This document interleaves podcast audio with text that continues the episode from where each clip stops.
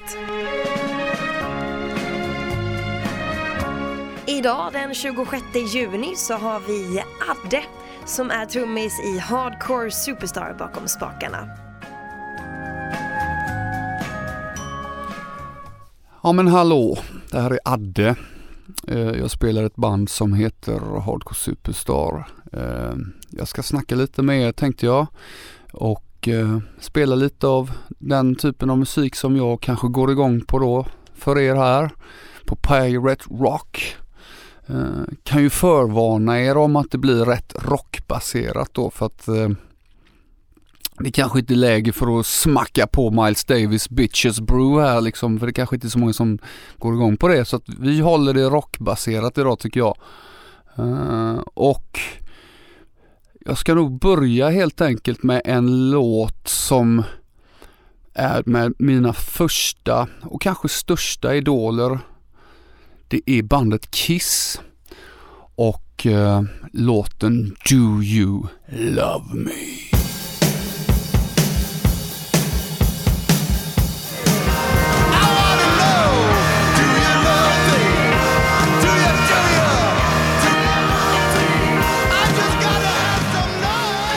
Ja, det här var ju då Kiss och låten Do You Love Me.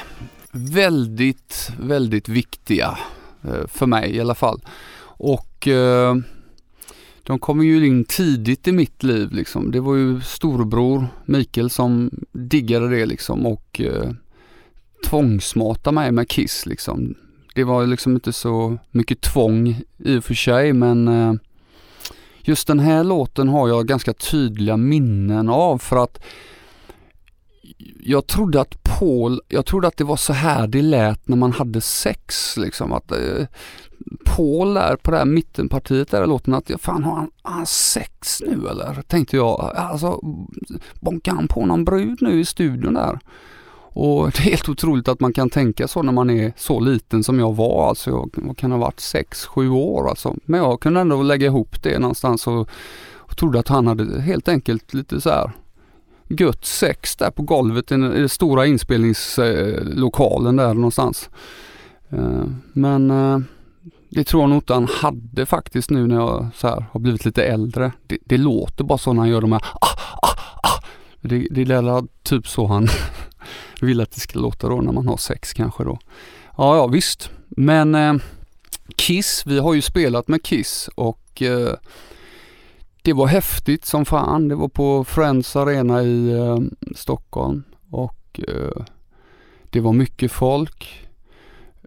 Kommer ihåg på soundcheck så, så tränade de det här numret som är God of Thunder så skickar de upp Jean upp och ner i de här vajrarna där för han åker upp i taket där under det här numret då. Men det var det att det strulade så, eh, så, här, så att de höll på att gå igenom det massvis med gånger där liksom. Han åkte upp Jean och han stod där med sina boots på sig och i kostymbyxor och vit skjorta. Han åkte upp och ner där och han skrek på gubben som körde han upp och ner för att grejen var att han kom inte ner på golvet. Hela gången när de, varenda gång de körde upp och ner honom så var det liksom, han kom så här fem centimeter från golvet så han sprattlade ju där så att det kändes väl inte så mycket som att han var the God of Thunder just där utan snarare eh, en typ ballong av Thunder. Jag vet inte men något annat än God var han ju i alla fall. Eh. Men eh, det var jävligt häftigt och det gigget var lite så här, Vi var ganska välinrepade när vi gjorde det gigget. Vi gjort mycket spelningar innan så, så att vi hade lite tur där för när vi gick upp så gjorde vi hela spelningen utan medhörning på scenen då. Alltså vi hade inget ljud på scenen. Och eh, det är helt otroligt vad tyst vi faktiskt kan vara. Eh, sådär, mina kompisar i bandet brukar spela jävligt högt. Men eh, jag hörde fan ingenting. Eh, jag såg bara munnen röra sig på Jocke och vi körde. Men sen har jag faktiskt sett lite klipp och sånt efteråt och det låter som att vi har en helt vanlig dag på jobbet men det, det gick väl på rutin sådär liksom. Men det var lite sådär Oh my god. Sen har man ju stött på lite gubbar genom åren, lite medlemmar. Eh, när jag pluggade i Los Angeles, eh, gick på skolan där så brukade vi gå till eh, videobutiken. Det här är ju på 90-talet och så man gick ju och hyrde liksom en VHS-kassett så liksom på Blockbuster Video på Sunset. Eh, men en gång när vi var där och skulle kolla vad vi skulle hyra då så eh, stod Paul där mellan raderna där och kollade och stod på dramaavdelningen liksom och skulle hyra någonting då. Men vi vågade liksom inte gå fram till honom. Man, man, det var ju så, man såg rätt mycket kändisar hela tiden när man bodde där borta. Eh, så att vi gick liksom inte fram till honom så. Men eh, vi blev ju så ändå liksom lite starstruck. Han gick fram och hyrde sin film och gick därifrån och då, vi var ju så nyfikna liksom så vi var ju tvungna att fråga tjejen bakom disken och liksom, det var ju för Paul där liksom, vad, vad hyrde han för film liksom? Då sa hon höstlegender. Ja, det var Paul det. Han gillar Brad Pitt antagligen han, men det tror jag inte nästa gubbe gör för att han eh, skiter nog fan i det mesta. Det här är nämligen Ozzy Osbourne och You Can't Kill Rock'n'Roll.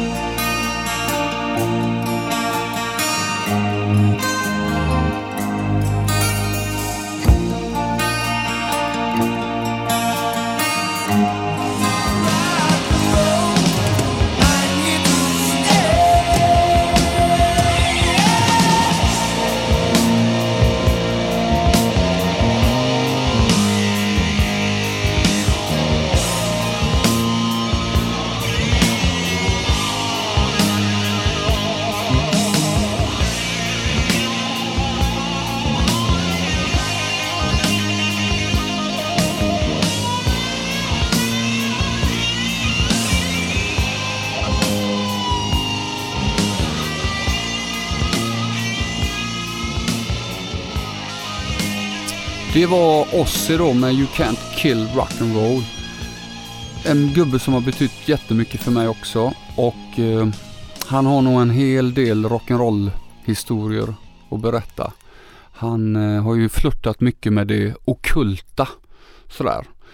Och eh, jag blev ju tidigt eh, nyfiken på, det var egentligen Ozzy men sen så kom ju King liksom, King Diamond och Sen kom ju eh, väldigt viktigt och Slayer kom ju också i den tiden där liksom. Det var ju, de ansågs ju vara helt to tokiga liksom och galna så att det var ju liksom det här måste jag lyssna på.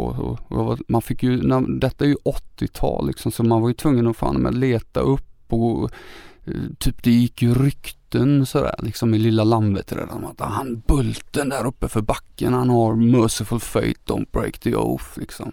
Om du är riktigt snäll kanske du kan få låna den på kassett. Så, så, så fick man ju gå där då liksom och knacka och fråga snällt liksom och sådär. Men så att det där hårdrock och det, det här liksom lite okulta det har jag alltid gillat liksom. Och eh, många år senare när vi turnerade med hardcore så eh, köpte jag ett ex av eh, den sataniska bibeln som är skriven av Anton LaVey då. Tyckte att det kunde vara liksom lite så här god,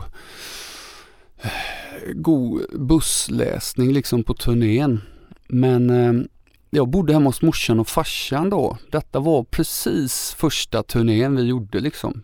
Så jag hade liksom ingenstans att bo. Så jag hade liksom sataniska bibeln, den låg liksom hemma. Och så var, på mitt rum liksom, pojkrum.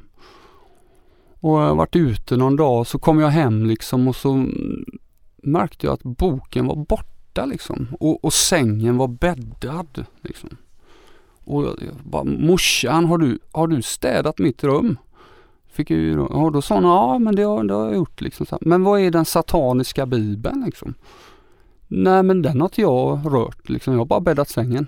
Ja men herregud, jag, jag la ju boken här liksom på nattduksbordet liksom. Uh, nu är den inte här, var är den någonstans? Nej men jag har inte rört någon bibel sådär liksom. Jag har bara bäddat i en säng. Och jag blir ju irriterad på det liksom. För fan hur kan bara boken vara borta tänkte jag liksom. Men uh, jag fick ju åka på turné utan den här sataniska bibeln. Och uh, det visade sig när vi kom in i Bordeaux så var det sån här gränskontroll och då skulle man plocka fram passen. Då märkte jag att shit liksom, jag har ju fan glömt passet. Så att eh, jag fick gömma mig i bussen bakom eh, resväskor och sånt där. Så att jag fick liksom åka illegalt förbi den här gränsen då liksom som de stannade oss vid. Så jag låg ju där bakom ett gäng väskor då. Ehm, men då tyckte Bo Biffen då som var vår turnéledare då att fan nu får du ringa hem till dina föräldrar så får de ta passet, åka in till Göteborg och lämna det på Live Nations kontor. Ehm, så att de kan liksom fedexa det till till oss då på turnén för du måste, du kommer behöva passet liksom. Ja, visst liksom. Så jag ringde hem till morsan liksom och så sa jag det. Det är jätteviktigt att du åker in till stan och lämnar mitt pass och så skickar de det och allting sånt där. Ja, då lovade hon att göra det. Och efter ett par dagar så kom det ju då ett, ett, ett liksom paket till mig där då, Fedexat. Och när jag öppnade det paketet så var det ju liksom mitt pass och den sataniska bibeln där i. Då hade hon ju hittat den när hon hade städat på mitt rum. Och eh, kommit fram till det att eh, då slår vi två flugor i en smäll och eh, åker in till kontoret då och lämnar passet och den sataniska bibeln. Sen när vi kommer hem från den turnén så är vi på kontoret och då får jag höra det här att eh, din mamma är lite rolig så för att eh, hon kom inrusandes här med pass och, och satanisk bibel och, och, och, och, skrek på oss liksom att min son måste ha det här liksom. Han är i Frankrike. Ni måste skicka det här till honom. Han var så arg på mig. Och du vet hela den här grejen. ja, morsan är morsan du vet.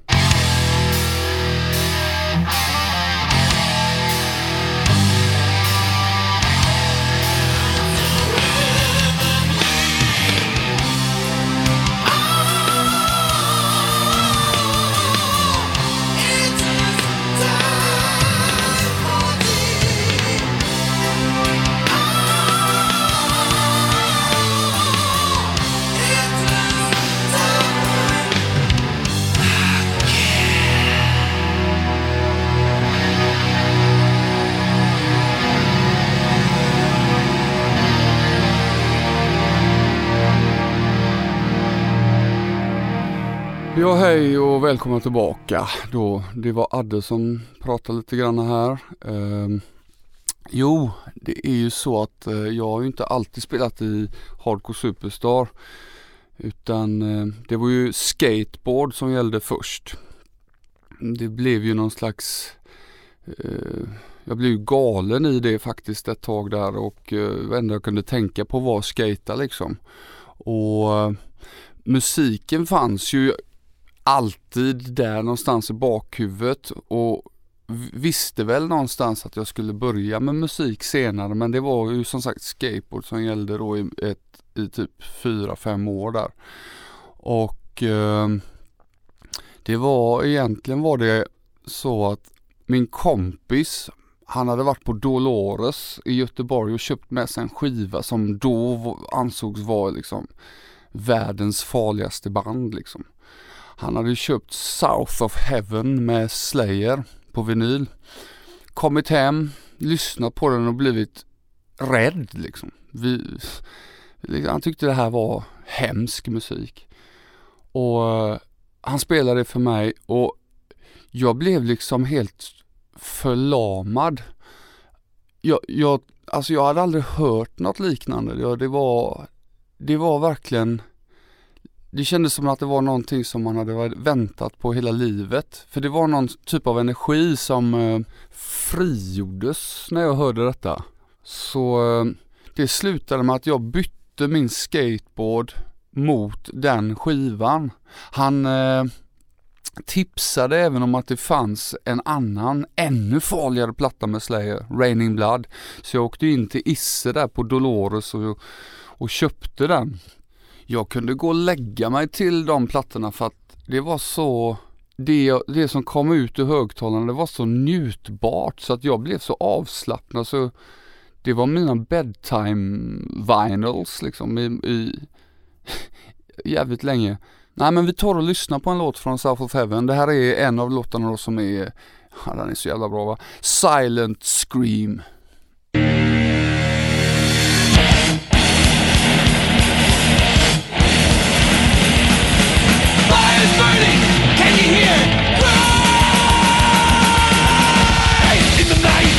Ja, det var ju Silent Scream från South of Heaven-plattan då. Eh, och det var ju det som gjorde att man ville starta band. Det lät ju så kul. Det Slayer gjorde, det lät det gjorde, det gjorde att jag ville spela trummor helt enkelt. Så att jag började öva lite trummor. Jag köpte ett trumset. Ett eh, Chiro-trumset, ett, ett sånt skittrumset. Så började jag öva och Jocke Berg, min sångare, det var han som parade ihop mig med Rosen, Thomas Johansson och Jonathan Lövgren. Så vi, vi startade det här bandet Dorian Gray då som är egentligen det första riktiga bandet jag gick med i. Och vi repade i min farmors garage. Och samtidigt som vi höll på att repa där nere då så höll Jocke och Thomas Silver på med sitt band bara längre ner här för eh, vägen. Och Eh, de repade i en gammal skola och de hette Ravenlord på den tiden. Eh, men ganska så snart så kom ju liksom Guns N' Roses så de, de blev ju lite småtokiga i slisen. Så samtidigt som vi höll på med någon slags uh, new wave of British heavy metal slash slayer style så gick de över mer och började spela lite mer sleaze. Och uh, de, de uh, bytte namn sen. De började kalla sig för Gang Bang Boys, tror jag de döpte om sig till. Och det var ju liksom sån vänskaplig konkurrens. Man, man gick och lyssnade på varandra när man repade och vi sov över i, i replokalen tillsammans och kollade på fredag den 13 och och, och skrämde upp varandra och så här liksom. Och lyckades få dagens ris i Härryda-posten för att vi hade spelat trummor mitt i natten. Goa tider liksom. Och eh, vi brukade sitta tillsammans på sommarlovet varje söndag och kolla på Headbangers Ball med Vanessa Warwick. Det var ju liksom religion. Det var ju fantastiskt och vi kunde liksom sitta då samlade då, bägge banden, kunde vi sitta hemma hos till exempel Jocke då. Kanske han var ensam hemma. Satt vi och kollade och så var det ju så här att så fort det kom liksom någon sån här Skid Row-låt eller så, så Gang Boys-gubbarna, Jocke och Thomas och det, de bara jublade och vi satt där och bara Åh, jävla buggmusik och så här. Och sen kom ju Triple Thrash Treat och då jublade ju vi Dorian Gray liksom. Ja, det var härliga tider. Och ett band som eh, spelades lite då och då på eh, där, det var ju Suicidal Tendencies. Och de kunde vi enas om att de gillar vi då allihopa. Så att nu spelar vi dem då och det här är låten K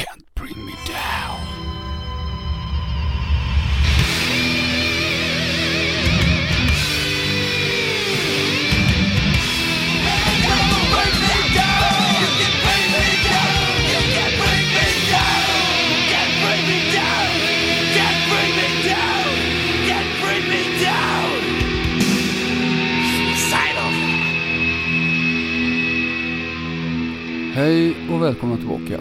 Vi pratar lite grann om hur det började här för mig. Eh, som sagt, nu spelar man i band och 14 år och gick lite långsamt med utvecklingen så att jag funderade på att skaffa en lärare. Och husgudarna var ju då Slayer och King Diamond. Och Thomas Silver, han hängde ju mycket på mugg och knöt kontakter. Så han fick reda på att den nya trummisen som ersatte Mickey D, han fick reda på att han eh, bodde på hissingen och eh, han hade fått tag på hans telefonnummer.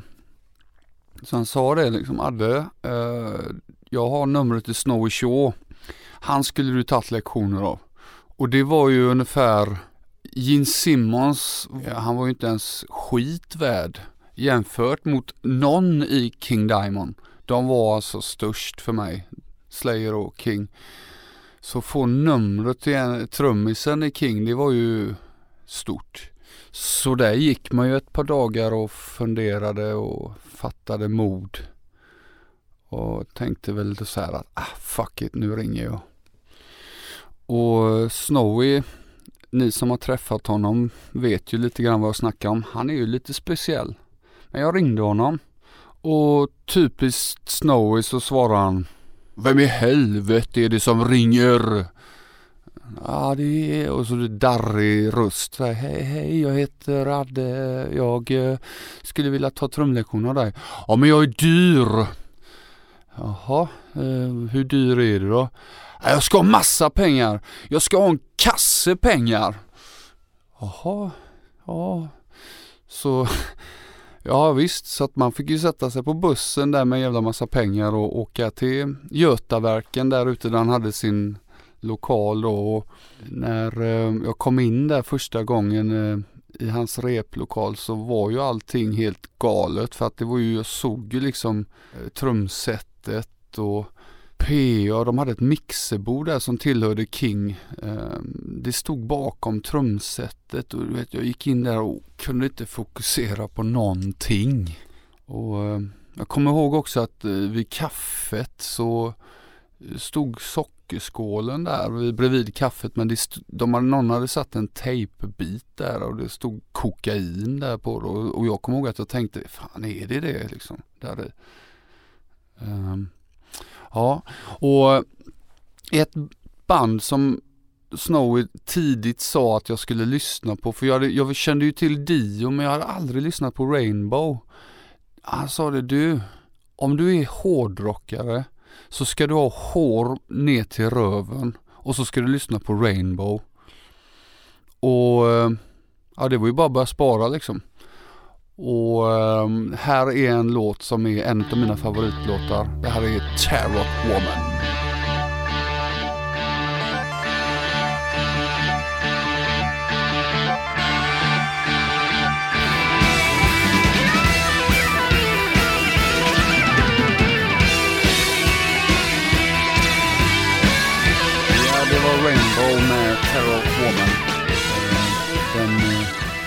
Lilla mannen med den stora rösten och eh, gitarristen med tics. Ja, och nu då när man hade en bra trumlärare så fick man ju övat och det slutade ju med att jag blev Nej, jag kunde inte ens gå till skolan för att det var ju bara trummor liksom. Trummor, trummor, trummor, trummor. Och eh, jag är uppvuxen ganska nära skolan så att det gick så långt att de hörde att jag satt och övade. Eh, så det hände att de kom och hämtade mig ibland för de visste var jag satt.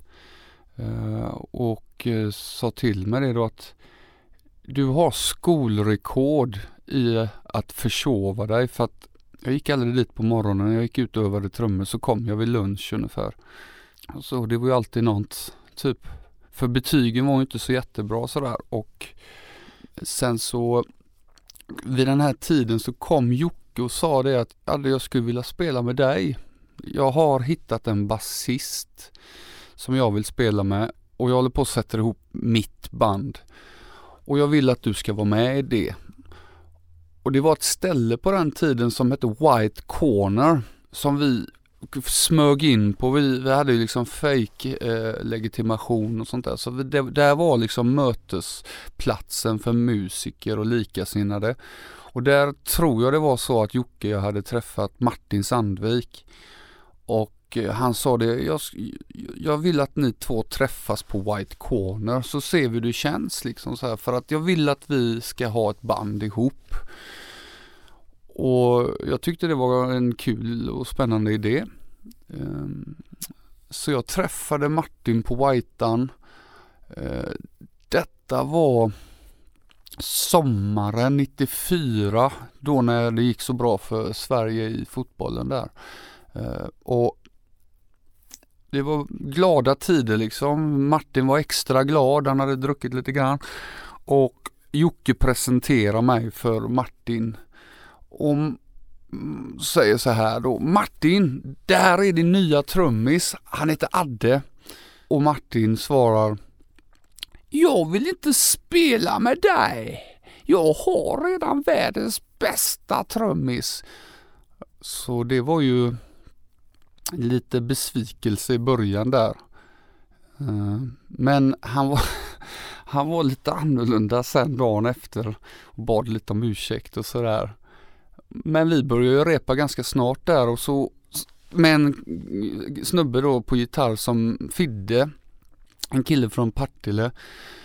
Så vi satte ihop det här bandet och började repa och det var ju livet liksom. Det, nu, nu hade vi gått in i gymnasieåldern och, och så och ett band som var nytt och spännande det var Rage Against the Machine.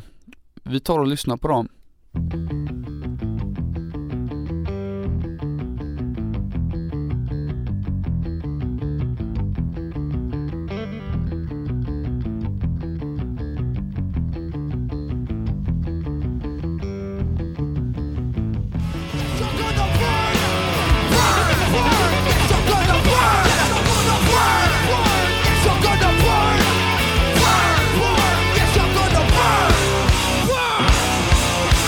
Ja, då var vi tillbaka här igen då. Det var Adde som pratade lite grann här och eh, jo, vi var ju inne på det här att eh, Jocke har ju satt ihop eh, sitt drömband här nu då.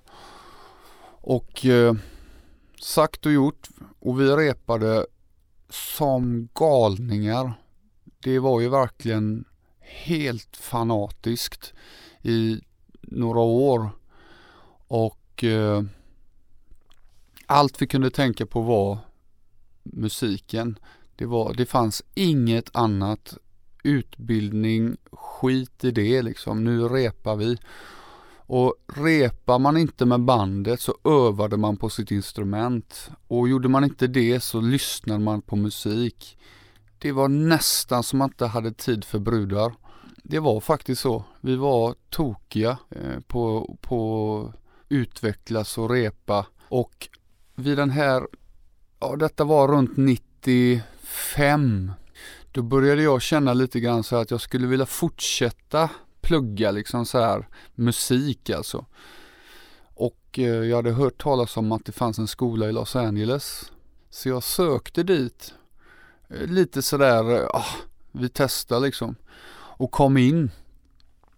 Och det var så på den här tiden att man fick CSN-bidrag Alltså man fick pengar från svenska staten. Liksom man fick ett litet bidrag och sen fick man låna upp resten. Så kunde man åka dit och plugga i två år och gå på skolan där i Hollywood.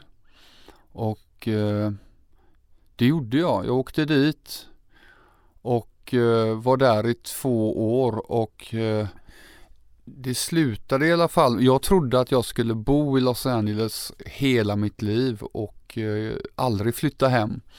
Men det var svårt att leva i Los Angeles som svensk och utan green card. Så när Thomas Silver ringer mig en tidig morgon, eh, så, så, han väcker mig, så säger han till mig så här, Adde, är det inte dags att komma hem och spela lite riktig rock'n'roll nu? Och jag, jag hann inte ens tänka efter, jag var ju liksom helt nyvaken så jag sa bara, ja det kan jag göra.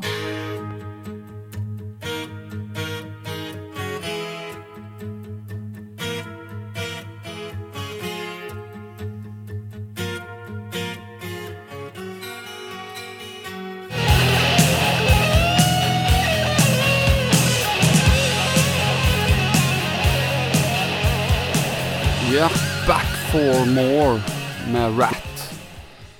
Och eh, det var ju precis vad jag var. Jag var tillbaka från USA i eh, Göteborg och jag spelade med hardcore.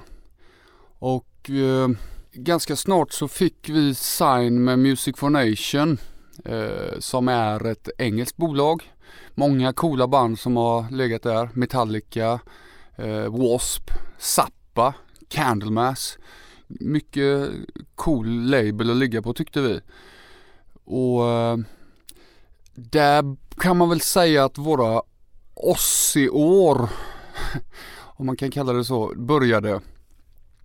Det blev mycket galenskaper där som kom de nästa fem sex åren. Eh, mycket kul och lite tråkigheter men nästan bara kul grejer. Ehm, och ehm, det är så roligt för att varje jul så när man har släktträff så brukar man ju berätta roliga historier till varandra. Det brukar alltid sluta med att eh, någon säger Men Adde, du spelar ju ett rock'n'roll-band. Eh, du måste ju ha jättemånga roliga historier. Och då, då, sitter man där och tänker liksom att mm, det passar sig nog inte riktigt här inne vid matbordet att prata om det här för att då det, finns det en viss risk att de inte ens kan äta upp maten de har på tallriken. Eh, men ja, mycket kul har det varit. Och eh, men det här höll ju på som sagt i, i, i rätt många år och det tog väl slut där vid Dreaming för Thomas del.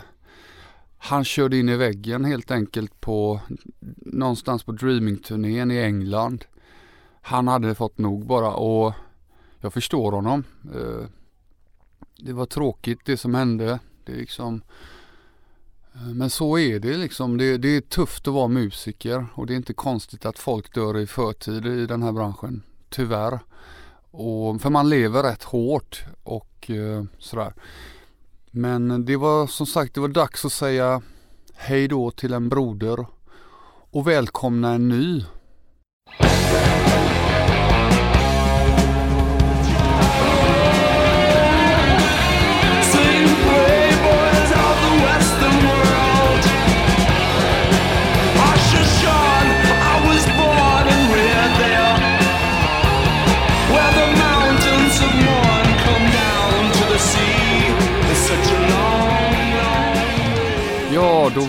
Tycker jag ändå. Hallå, hallå.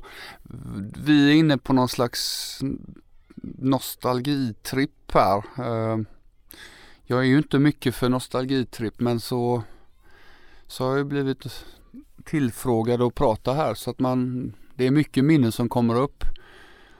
Och eh, hur som helst så Thomas hade hoppat av i bandet och eh, Vic Sino kommer in i bandet. Och eh, han hade, vad, vad blir det, vi skulle till Australien.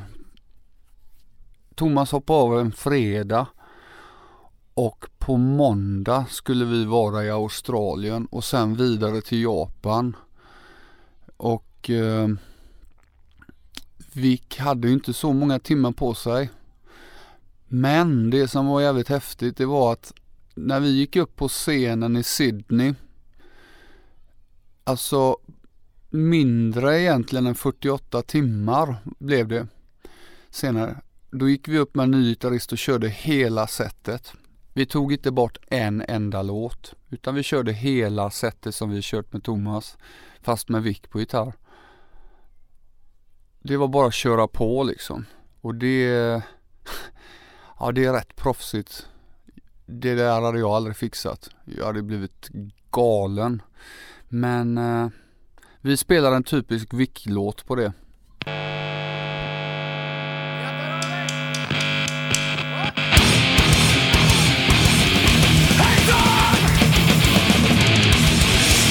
Ja, det var Hate Song med Haunted. En liten eh, önskelåt från eh, Vixino helt enkelt.